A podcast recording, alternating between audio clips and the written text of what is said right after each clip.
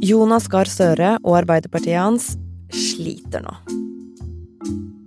De siste målingene er de dårligste de har fått noensinne. Men ett lokallag tenner lyset i mørket. Nidaros sosialdemokratiske forum.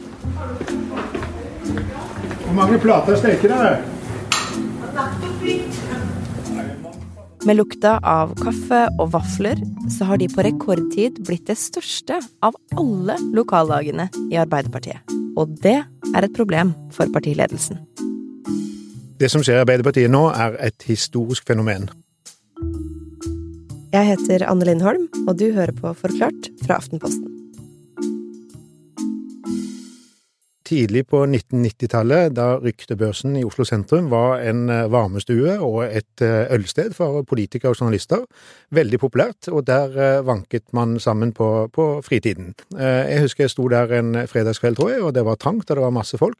Og eh, gjennom lokalet en som strener med et eh, blikk eh, stivt festet på meg, og det var vedkommende, Trond Giske, som da presenterte seg og innledet en samtale.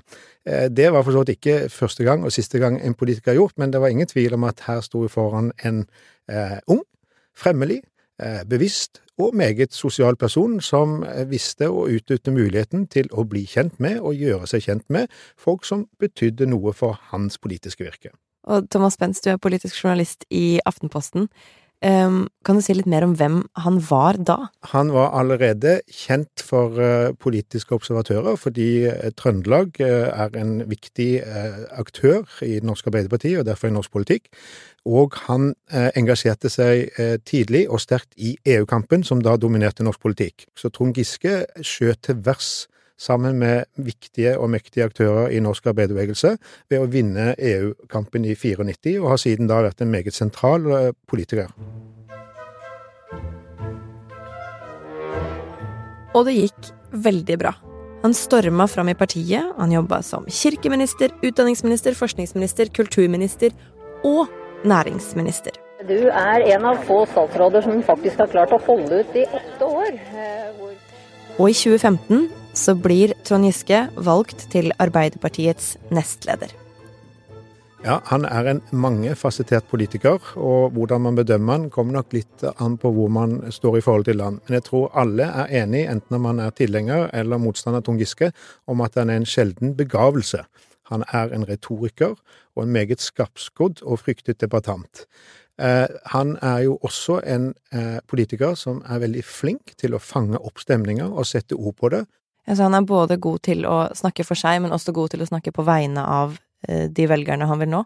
Ja, både medlemmer jeg snakker med selv og lest andre steder, så er det veldig mange som sier at han representerer og fremhever de sosialdemokratiske verdiene og ideene som mange syns har forsvunnet litt i den aktuelle krisesituasjonen vi står i, og at han har en høyere himmel under det han gjør, og har liksom himmelretningen riktig og klart for seg. Men så kom metoo til Norge. Det er metoo-kampanjen som er tema i kveld. Metoo-bevegelsen. Metoo-kampanjen har fått Går grensen mellom uskyldig flørting og seksuell trakassering? Det spørsmålet har mange menn stilt seg Og mot slutten av 2017 så mottok Arbeiderpartiet flere varsler om upassende oppførsel og seksuell trakassering av kvinner, og de varslene gjaldt Trond Giske. Partiet konkluderte med at det i flere av tilfellene var brudd på partiets retningslinjer mot seksuell trakassering. Trond Giske sjøl har beklaga oppførselen sin, men sier at han ikke har seksuelt trakassert noen. Men i januar 2018 så trekker han seg som nestleder. Trond Giske i Arbeiderpartiet publiserte på sin Facebook-side at han trekker seg som nestleder og Det var en riktig og nødvendig beslutning. Vi som parti må Det bygget seg opp et uh, voldsomt press uh, mot han, uh, og han hadde i realiteten ikke noen annen vei å gå. Men det så ut til at han likevel kunne bli leder i Trøndelag Arbeiderparti høsten 2020. Helt til enda et varsel gjorde at han ikke lenger hadde enstemmig støtte fra valgkomiteen der. Og sjøl så skrev han på Facebook at medieomtalen var blitt en så stor belastning for han og for familien hans at han ikke ville stille som kandidat likevel. Og at han heller ikke ville stille til gjenvalg på Stortinget. Trond Giskes drøm om et comeback kan være over, for nå i kveld har ting skjedd i en rasende fart. Det er allerede klart at én etter én av støttespillerne hans i nominasjonskomiteen vender ham ryggen. Slik at han siden i fjor høst, høsten 2021, ikke har hatt noen sentrale verv, verken på vegne av Trøndelag eller på vegne av Arbeiderpartiet. Og det kunne altså se ut som om Trond Giske var ferdig. Men på samme måte som at målingene aldri har vært så dårlige som nå, så har Arbeiderpartiet heller aldri sett noen gjøre det Trond Giske gjør nå.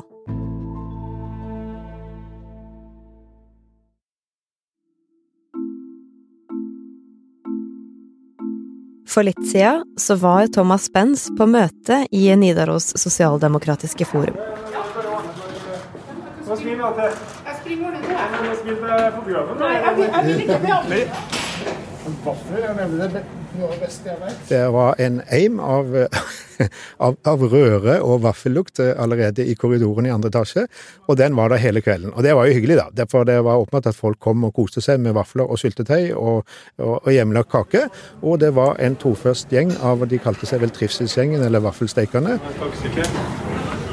Hvor stor vekst er det de har hatt? De hadde 16 medlemmer for nøyaktig et år siden. Så ble Trond Giske valgt som eh, lokal partileder da, i desember i fjor.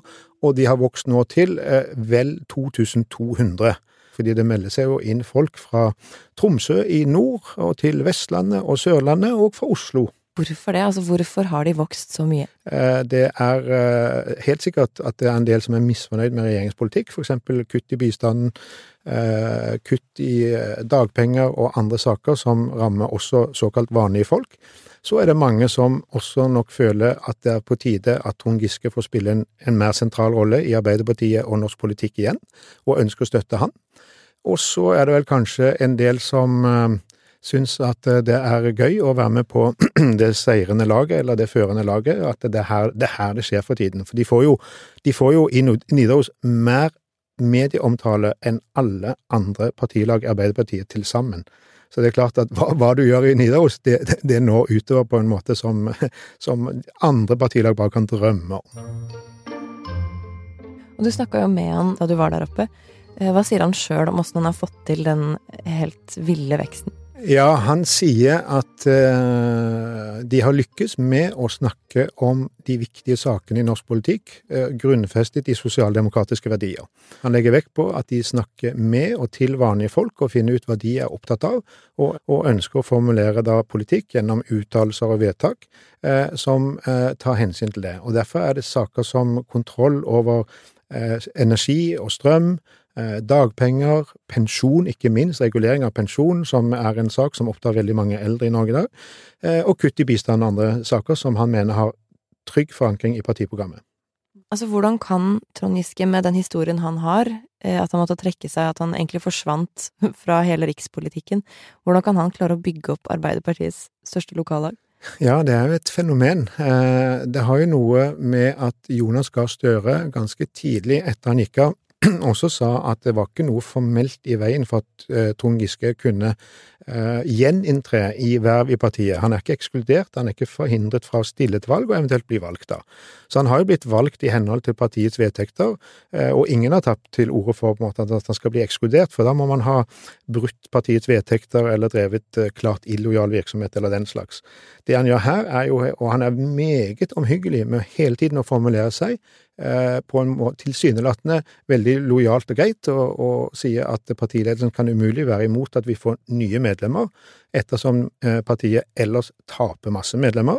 Og han eh, sa da jeg snakket med han, og det er en viktig setning, at de fleste sakene som Nidaros eh, fremhever, de er forankret i partiprogrammet.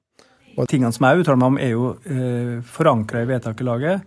Så er det som oftest saker hvor vi eh, fortsatt står på partiprogrammet. Og da jeg spurte om det betød at regjeringspolitikk ikke er forankret i partiprogrammet, så sier han at vi snakker bare om vår politikk. Altså Han går tilsynelatende ikke direkte til angrep mot regjeringens politikk, men det er ingen tvil om at den oppfattes slik av både regjeringen og Trond Giskes motstander. Og nå som han har Nidaros Sosialdemokratiske Forum, han har bygd opp Arbeiderpartiets største lokallag fra ingenting til over 2000 på et år, hva er planen hans? Hva er det han vil? Ja, den som visste det. Det er egentlig tusenkronerspørsmålet i norsk politikk akkurat nå. Noen mener det er en rå maktkamp som foregår mellom Giske og Støre. Andre mener at eh, dagen er ødelagt og Arbeiderpartiet går til grunne hvis han kommer tilbake oss.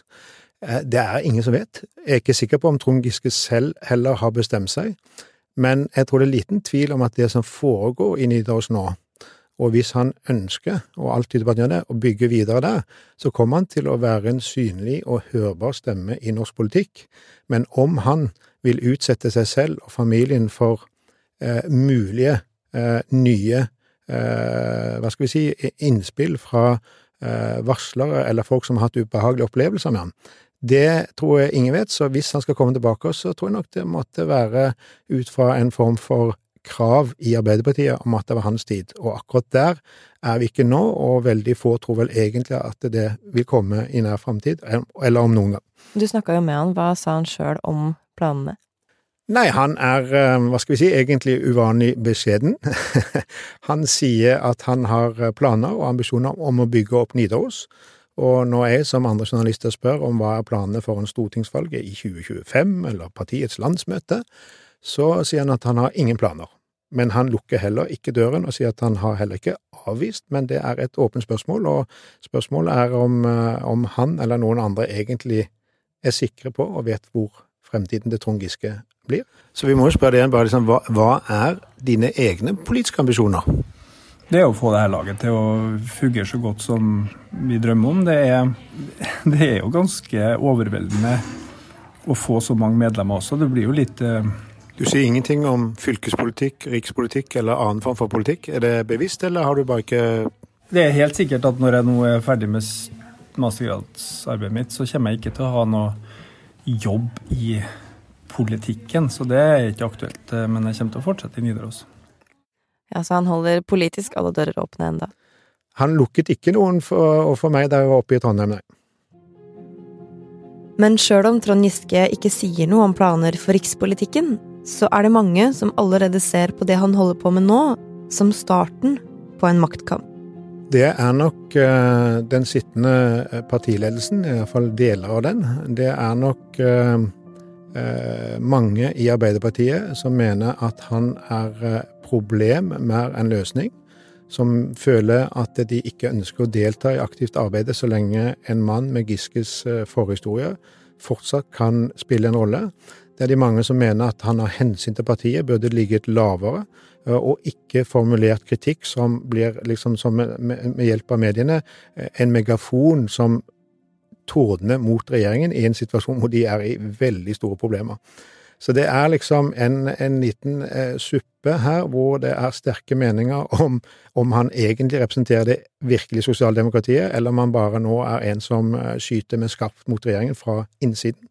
Og det er klart, indre opposisjon i et parti er alltid enda tøffere og vanskeligere å takle enn en den kritikk som man helt sånn eh, naturmessig får fra den politiske opposisjonen. Jeg mener at vi trenger ro til å snakke om de politiske løsningene. En av dem som har kritisert Trond Giske høyt, er AUF-leder Astrid Hoem i debatten på NRK. I form av at han bare forsvinner, da, eller hvordan skal det tolkes? Ro i form av at, eh, at man ikke hele tida konsekvent hakker mot ledelsen og bruker politikken som vi i AUF faktisk fører og kjemper for, som bistandspolitikk. Men, men mener du at jeg ikke skal si fra om hva 1000 medlemmer mener om kutt i arbeidsløshetstrygd, om kutt i bistand? Om at vi kutter til matsentraler. Skal vi, skal vi bare tie stille om det og si at nei, men det her går skikkelig bra, det her heier vi på. Vi må si fra når ting er gærent. Så skal vi skryte av Tonje og Jan Kristian Vestre og mange okay. som gjør en god jobb. Men vi må faktisk ha et partidemokrati der medlemmer blir hørt, og der velgerne blir hørt. og der det dreier seg om deres hverdag. Jeg skulle bare gjerne sett at du var den venstresidelederen når du faktisk var nestleder i Arbeiderpartiet, og ikke på utsida når du også er med på å skade resten av partiet. Og Thomas, her anklager jo HM Giske for å skade partiet. Er det sånn at han gjør det? Det kommer an på øynene som ser. Eh, mange vil se på han som en redningsmann. Hvis en ser på alle kommentarene på, på Nidaros og Trond Giskes støttegruppe, så er det mange som ser han som den, eh, han som burde vært statsminister, han som burde vært partileder, i alle fall i sentral ledelse. Mens andre ser på at hvis Trond Giske kommer tilbake, så er det ikke mulig å fortsette i partiet. Og da har ikke partiet mulighet for å, å, å spille den rollen som det historisk har hatt. Og hvordan reagerer ledelsen i Arbeiderpartiet på hvordan Giske gjør det om dagen? De er nok eh, meget eh, bevisste på hvordan de reagerer. De sier utad, eh, og det mener sikkert at de er glad for alle medlemmer som engasjerer seg i Arbeiderpartiet, men det er ingen tvil om at ledelsen, og da spesielt Støre og regjeringsapparatet, føler at han er et gnagsår, at han plager de, at han skaper mye støy og uro blant egne velgere. Men samtidig så må de også være forsiktige, og det gjelder jo spesielt Støre, da, fordi hver, gang han uttaler seg om Giske, eh, så er det egentlig noen som blir eh, støtt sint. Men for Arbeiderpartiet, da, finnes det noen plass til han noen gang i toppen? Det er Jeg tror ingen tør si sikkert ja eller nei. Per i dag ser det meget vanskelig ut, meget lang vei å gå, og han sier selv Han blir jo etter hvert en voksen mann, han òg. Eh, men det er veldig få som vil utelukke, fordi Trond Giske er et sjeldent dyr i den politiske eh, verden.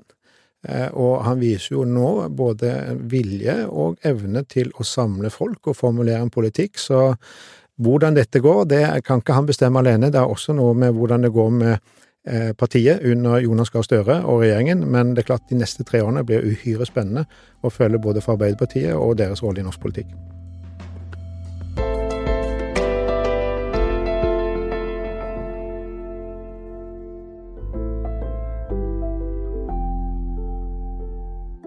Du har hørt Forklart. Vi er en podkast fra Aftenposten som forklarer deg én nyhetssak på ett kvarter hver hverdag. Denne gangen så var det Thomas Spenn som hadde vært på besøk i Nidaros sosialdemokratiske forum. Og det var produsent Synne Søhol og jeg, Anne Lindholm, som hadde lagd episoden. Lydklippa du hørte, var fra NRK, og resten av Forklart er Anders Weberg, Marit Eriksdatter Gjelland, Jenny Førland, Fride Næss Nonstad og David Vekoni.